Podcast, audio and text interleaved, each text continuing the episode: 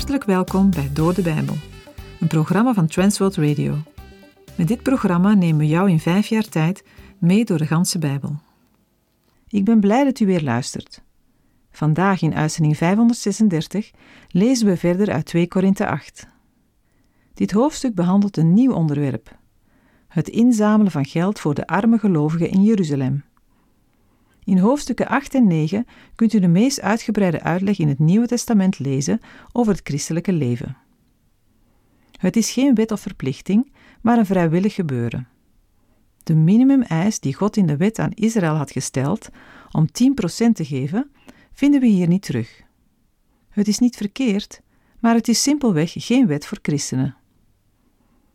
Paulus begint dit onderwerp door de christenen van Noord-Griekenland, Macedonië, als voorbeeld te stellen.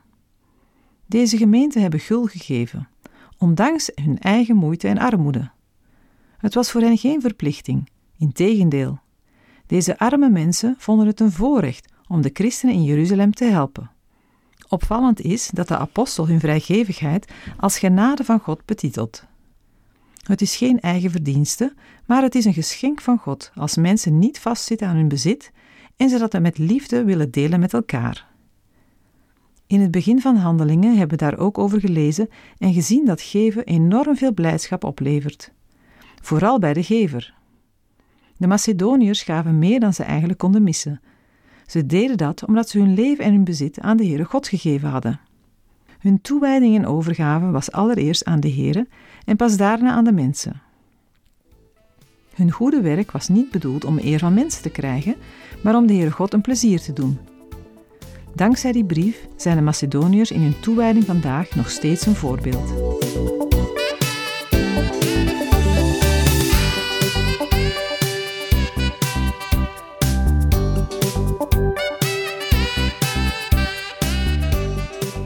De vorige uitzending sloten we af met de oproep van Paulus aan de Corinthiërs. Hij prijst de gelovigen van Korinthe. Ze zijn in alle opzichten een voorbeeld voor anderen. Daarom vraagt Paulus hen om, naast de dingen waarin zij al een voorbeeld zijn, ook een voorbeeld te zijn in vrijgevigheid. Zet de apostel daarmee de gemeente van Korinthe onder druk? Kunnen ze nu niet anders dan vrijgevig zijn? Nee, want dat blijkt uit het volgende vers. 2 Korinthe 8, vers 8.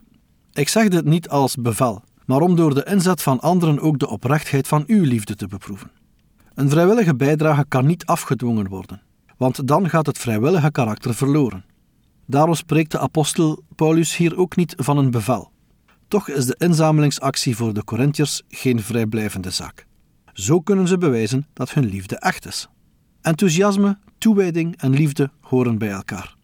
Het is een algemene waarheid dat de liefde blijkt uit toewijding, die er het gevolg van is.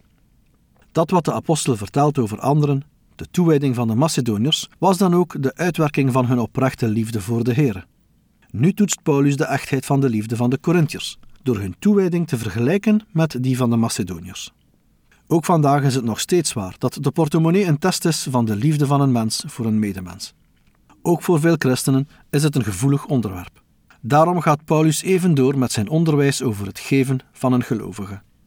2 Korinthe 8 vers 9 Want u kent de genade van onze Heer Jezus Christus, dat Hij omwille van u arm is geworden terwijl hij rijk was, opdat u door zijn armoede rijk zou worden.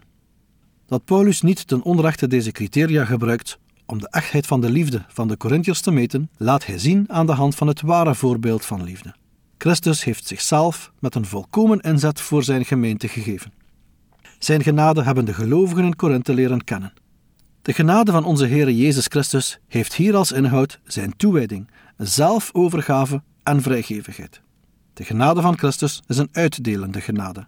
Paulus schildert het heilswerk van Jezus Christus als een afstaan van rijkdom, om de mensen in hun armoede en verlorenheid te hulp te komen en rijk te maken. De rijkdom van Christus brengt Paulus prachtig onder woorden in Filippenzen 2, versen 6 tot en met 8. Daar staat: Die, hoewel hij in de gestalte van God was, het niet als roof beschouwd heeft aan God gelijk te zijn, maar zichzelf ontledigd heeft door de gestalte van een slaaf aan te nemen en aan de mensen gelijk te worden. En in gedaante als een mens bevonden, heeft hij zichzelf vernederd en is gehoorzaam geworden tot de dood, ja, tot de kruisdood. De goddelijke heerlijkheid die Christus voor zijn komst naar de aarde bezat, legde hij af. Voor jou en mij. want bij die goddelijke heerlijkheid vergeleken was zijn komst in een menselijk lichaam een armoedige verschijning. Maar juist die armoede, met als dieptepunt zijn absolute ontluistering aan het kruis, had als doel ons rijk te maken. De rijkdom die gelovigen door zijn armoede ontvangen, bestaat in vergeving van zonden, verzoening met God, rechtvaardiging, heiliging, genadegaven, blijdschap en kostbare beloften.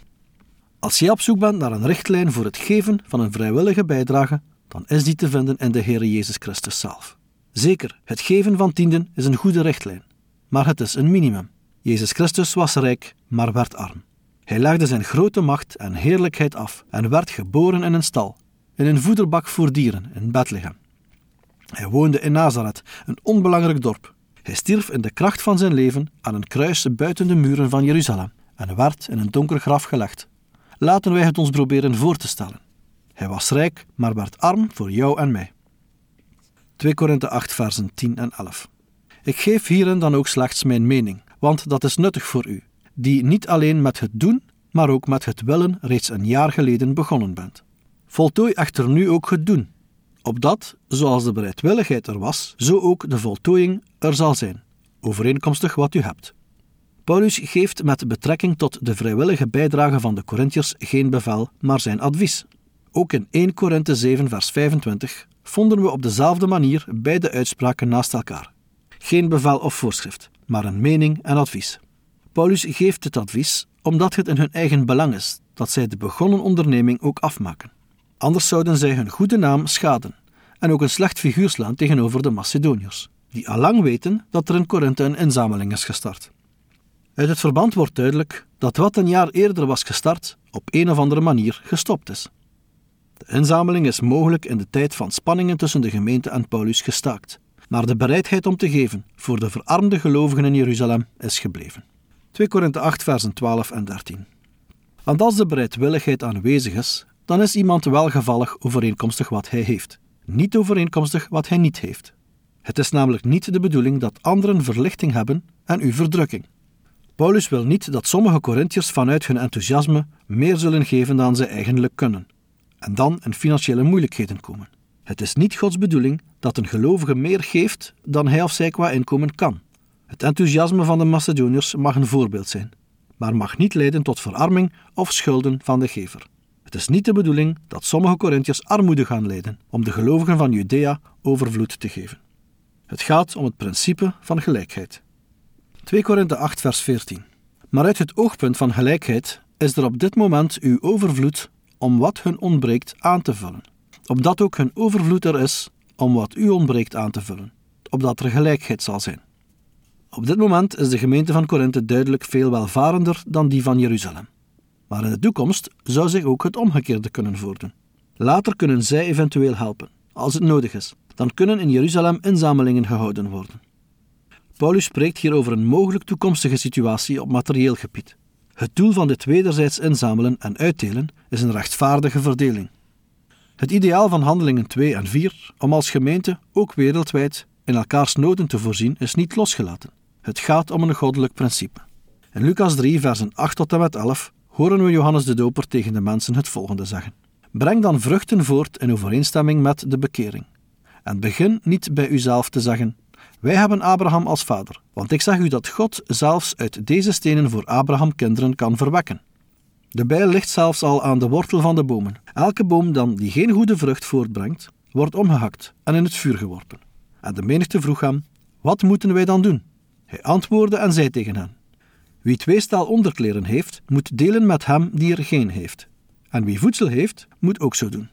De Heer verwacht dat ook jij en ik onze voorspoed delen met anderen tot eer en verheerlijking van zijn naam en uitbreiding van zijn koninkrijk. De Heer is niet tegen rijkdom. Hij geeft zegen en ook rijkdom. Maar als wij die ontvangen rijkdom alleen voor onszelf gebruiken, laten wij niet door ons leven zien dat we ons hebben bekeerd. In dat licht ontdekt een gelovige dat er meer is dan het geven van een tiende van zijn of haar inkomsten. Ja, maar, zal iemand zeggen, wij betalen ook belastingen. Dat moesten ze in Israël niet. Maar dat moet ik tegenspreken. Toen Israël om een koning riep, hebben ze dat ook in hun portemonnee geweten. En iedere keer als ze door een vijandig rijk onder de voet werden gelopen, moesten ze jaarlijks een grote som geld en goederen betalen. Daarnaast bleef de verplichting om voor het huis van de Heere, de priesters en levieten, de tienden naar het heiligdom te brengen. Daarbij bleef overeind staan dat wie in staat was te geven en te helpen, dat ook moest doen. Dat is vandaag niet anders. Gelukkig zijn er veel prachtige voorbeelden van hoe christenen veel geven en zich inzetten voor de medemens, dichtbij en veraf. Trouwens, ook het bestaan van dit programma is te danken aan gulle gevers. 2 Korinthe 8 vers 15 Zoals geschreven staat, wie veel had verzameld, had niet over. En wie weinig had verzameld, had niet te weinig. Dat gelijkheid in middelen van bestaan een goddelijk principe is, laat Paulus zien aan de hand van een citaat uit Exodus 16, vers 18, met betrekking tot het manna. Toen de Heere voor de eerste maal het manna aan de Israëlieten gaf, was het de bedoeling dat zij naar het aantal gezinsleden ongeveer 2,2 liter per persoon zouden verzamelen. Hoewel de een verhoudingsgewijs veel meer verzamelde dan de ander, bleek bij de afweging van het manna dat iedereen juist genoeg had voor zichzelf en voor zijn gezinsleden.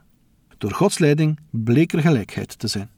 Dit moet voor de Corinthiërs een voorbeeld en een aanleiding zijn om nu zelf te streven naar een gelijke verdeling van welvaart.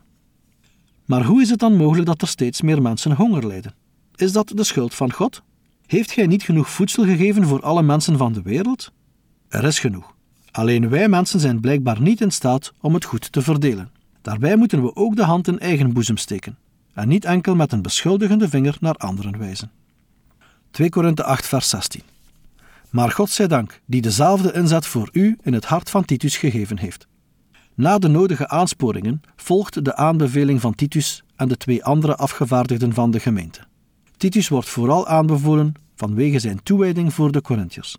Deze toewijding is buitengewoon, omdat zij door de Here wordt gegeven. Titus' toewijding voor Korinthe is dezelfde als die van Paulus. Voor Paulus is dit alles een reden om God te danken. 2 Korinthe 8, versen 17 tot en met 19. Hij heeft immers mijn aansporing ontvangen, maar is ook uit eigen beweging vol ijver naar u toegereisd. En wij hebben ook de broeder met hem meegezonden, die in alle gemeenten lof ontvangt om zijn dienst in het evangelie. En dat niet alleen, maar hij is ook door de gemeenten gekozen als onze reisgenoot met deze genadegave, waar wij de zorg voor dragen tot heerlijkheid van de Heere zelf, en om uw bereidwilligheid te laten zien. De toewijding van Titus voor Korinthe is oprecht. Paulus heeft hem nu wel naar Korinthe gezonden, maar hij had ook uit eigen beweging willen gaan. Naast Titus introduceert Paulus ook een andere broeder die hij meezendt. Merkelijk genoeg wordt er geen naam genoemd. De meegezonden broeder wordt in alle gemeenten geprezen vanwege zijn werk in de verkondiging van het evangelie. Het zenden van een delegatie van twee of drie personen bij belangrijke gebeurtenissen is in de eerste plaats een Bijbels principe. 2 Korinthe 8 vers 20 Wij proberen het immers te vermijden dat iemand ons verdacht zou maken vanwege dit grote bedrag waar wij zorg voor dragen. Het meesturen van een broeder, die niet rechtstreeks door Paulus, maar door de gemeente is afgevaardigd, garandeert dat het er bij de collecte eerlijk zal aan toegaan en dat de gelden het bestemde doel zullen bereiken. Daarmee onderscheidt Paulus zich duidelijk van allerlei rondreizende filosofen en redenaars, die ongecontroleerd geld voor zogenaamde goede doelen inzamelden, maar ondertussen zichzelf verrijkten. Paulus is zich ervan bewust dat sommige tegenstanders, binnen en buiten de gemeente, hem anders zouden kunnen belasteren. Paulus verwacht dat de liefdadigheid van de Corinthiërs en van de andere gemeenten een groot bedrag zal opbrengen. Dat de voorzichtigheid van Paulus terecht is, zullen we in 2 Korinthe 12 merken, waar Paulus zich verdedigt tegen een beschuldiging dat hij op eigen voordeel is uitgeweest. 2 Korinthe 8 vers 21 Wij die bedacht zijn op wat goed is, niet alleen voor de Heer, maar ook voor de mensen. Dit moet de gelovigen bekend in de oren klinken. Het is namelijk een aanhaling uit Spreuken 3, versen 3 en 4. Daar staat: Mogen goedertierenheid en trouw jou niet verlaten. Bind ze om je hals, schrijf ze op de tafel van je hart. Vind gunst en goed verstand in de ogen van God en mensen. De eerlijke bedoelingen van Paulus zijn weliswaar voor de Heere openbaar, maar het is ook noodzakelijk dat mensen geen reden tot verdachtmaking kunnen vinden. 2 Korinthe 8 vers 22 Ook hebben wij onze broeder met hen meegestuurd, van wie wij in veel opzichten vaak onderkend hebben dat hij ijverig is. En nu is hij nog veel ijveriger door het grote vertrouwen dat hij in u heeft. Behalve Titus en de broeder die door de gemeente is aangewezen, stuurt Paulus nog iemand mee. Het is een broeder die door Paulus zeer wordt gewaardeerd. Opnieuw ontbreekt zijn naam. Het is een aanwijzing dat deze broeder niet hetzelfde gezag heeft als Titus. 2 Korinthe 8, vers 23. Wat Titus betreft, hij is mijn metgezel en medearbeider bij u. Wat onze broeders betreft, zij zijn gezanten van de gemeenten, tot eer van Christus. Na de aanbeveling van Titus en de twee andere broeders maakt Paulus duidelijk welk gezag hij aan een ieder van hen toekent en hoe zij dan ook door de Corinthiërs behandeld moeten worden. Titus heeft maar een korte tijd in Korinthe gewerkt, maar toch moeten zij hem zien als een volwaardige medewerker met dezelfde volmachten als Paulus. De beide andere broeders hebben geen gezag over de Corinthiërs. Zij vertegenwoordigen de gemeenten en ook wat zij doen is tot eer van Christus. 2 Korinthe 8 vers 24 tot en met 2 Korinthe 9 vers 5. Toon hun dan het bewijs van uw liefde en van onze roem over u, ook ten overstaan van de gemeenten. Want het is voor mij niet nodig u te schrijven over het dienstbetoon aan de heiligen, want ik weet van uw bereidwilligheid, waarover ik roem bij de Macedoniërs, namelijk dat Achaïe al sinds een jaar gereed is, en uw ijver heeft velen aangestoken. Maar ik heb de broeders gestuurd, opdat onze roem over u in dit opzicht niet zonder inhoud zou blijken, opdat u, zoals ik zei, gereed bent, opdat niet misschien, als de Macedoniërs met mij meekomen en zij u niet gereed vinden, wij, om niet te zeggen u, beschaamd worden in dit vertrouwen op onze roem over u. Ik achtte het dus nodig de broeders aan te sporen eerst naar u toe te gaan en de eerder door u beloofde zegen vooraf in gereedheid te brengen, zodat deze gereed ligt als een zegen en niet als een gift in gierigheid gegeven. Als de Corinthiërs royaal geven, dan doen zij dit voor het oog van de gemeenten, die in de personen van de beide broeders vertegenwoordigd zijn. Het meedoen aan de inzameling is het zichtbare bewijs van hun liefde voor de Heer en hun medegelovigen. Paulus heeft zowel bij Titus als bij de Macedoniërs positief gesproken over hun geloof en toewijding. Nu moet blijken of de Corinthiërs deze roem verdienen.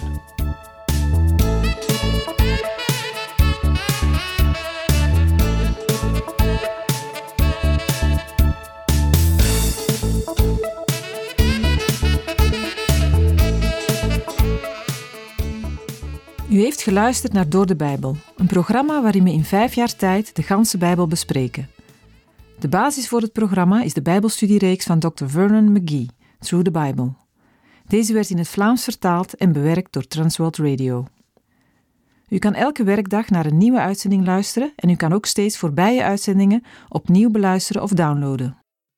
Als u wilt reageren op deze uitzending of u heeft vragen, dan kunt u uiteraard contact met ons opnemen. U kan een e-mail sturen naar doordebijbel.twr.be. Verder kan u op onze site terecht, www.twr.be, voor meer info en het beluisteren van onze overige programma's.